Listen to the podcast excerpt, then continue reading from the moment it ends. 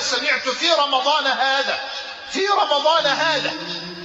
سمعت عن شاب من شبابنا وعن ولد من أولادنا وكان بارا جدا بأمه. نام على فراش الموت في ريعان شبابه لم يكمل الثلاثين من عمره. وفي لحظات السكرات في لحظات الكربات سمعوا هذا الشاب المبارك على فراش الموت يقول كلمات عجيبة عجيبة عجيبة. سمعوه يقول لا ما أقدرش ما أقدرش لازم أستأذن أمي. إيه ده؟ هكذا. لا ما أقدرش.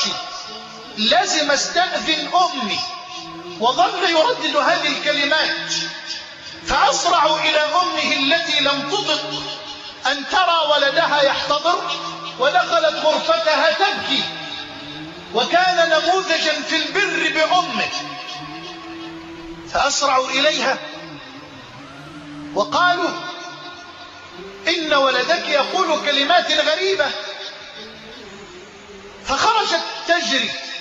من حجرتها ودخلت حجرة ولدها وهو على فراش الموت الذي أشرق محياه وتهلل جبينه وبدأ الرشح أي العرق يخرج من جبينه كأنه الجمان أي كأنه اللؤلؤ. وهذه من علامات حسن الخاتمة. فالمؤمن يموت برشح الجبين. أسأل الله أن يختم لي ولكم بالإيمان. فدخلت عليه أمه. فسمعته يردد نفس الكلمات. لا ما أقدرش. لازم أستأذن أمي. فأقبلت منه. وانتظرت. وسبحان الله قالت يا فلان يا فلان أنا أمك. أنا أمك. أنا أمك ثلاثا مع من تتحدث؟ فنظر إليها. بعد وقت قصير في لحظة صحوة بين هذه السكرات والكربات وقال لها يا أمي فتاة جميلة لم أر في جمالها قط.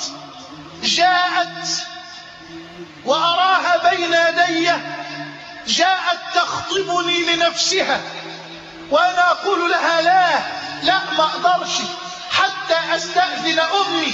فقالت أذنت لك إنها حورية لك من الجنة.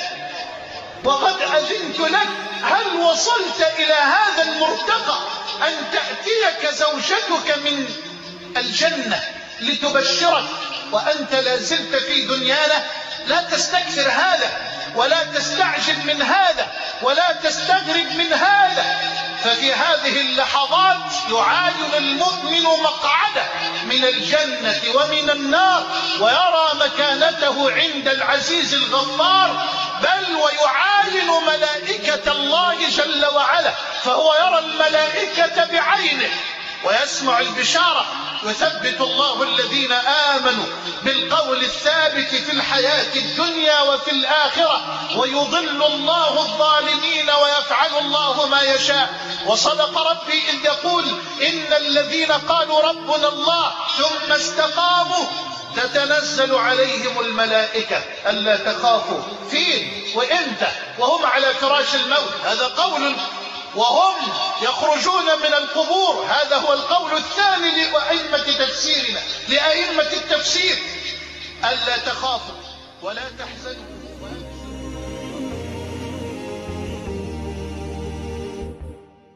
نغيتها بشواقي خارج زمن دنياي أرفع كفوف الشوق الجنة يا بشواقي خارج زمن دنياي أرفع كفوف الشوق الجنة يا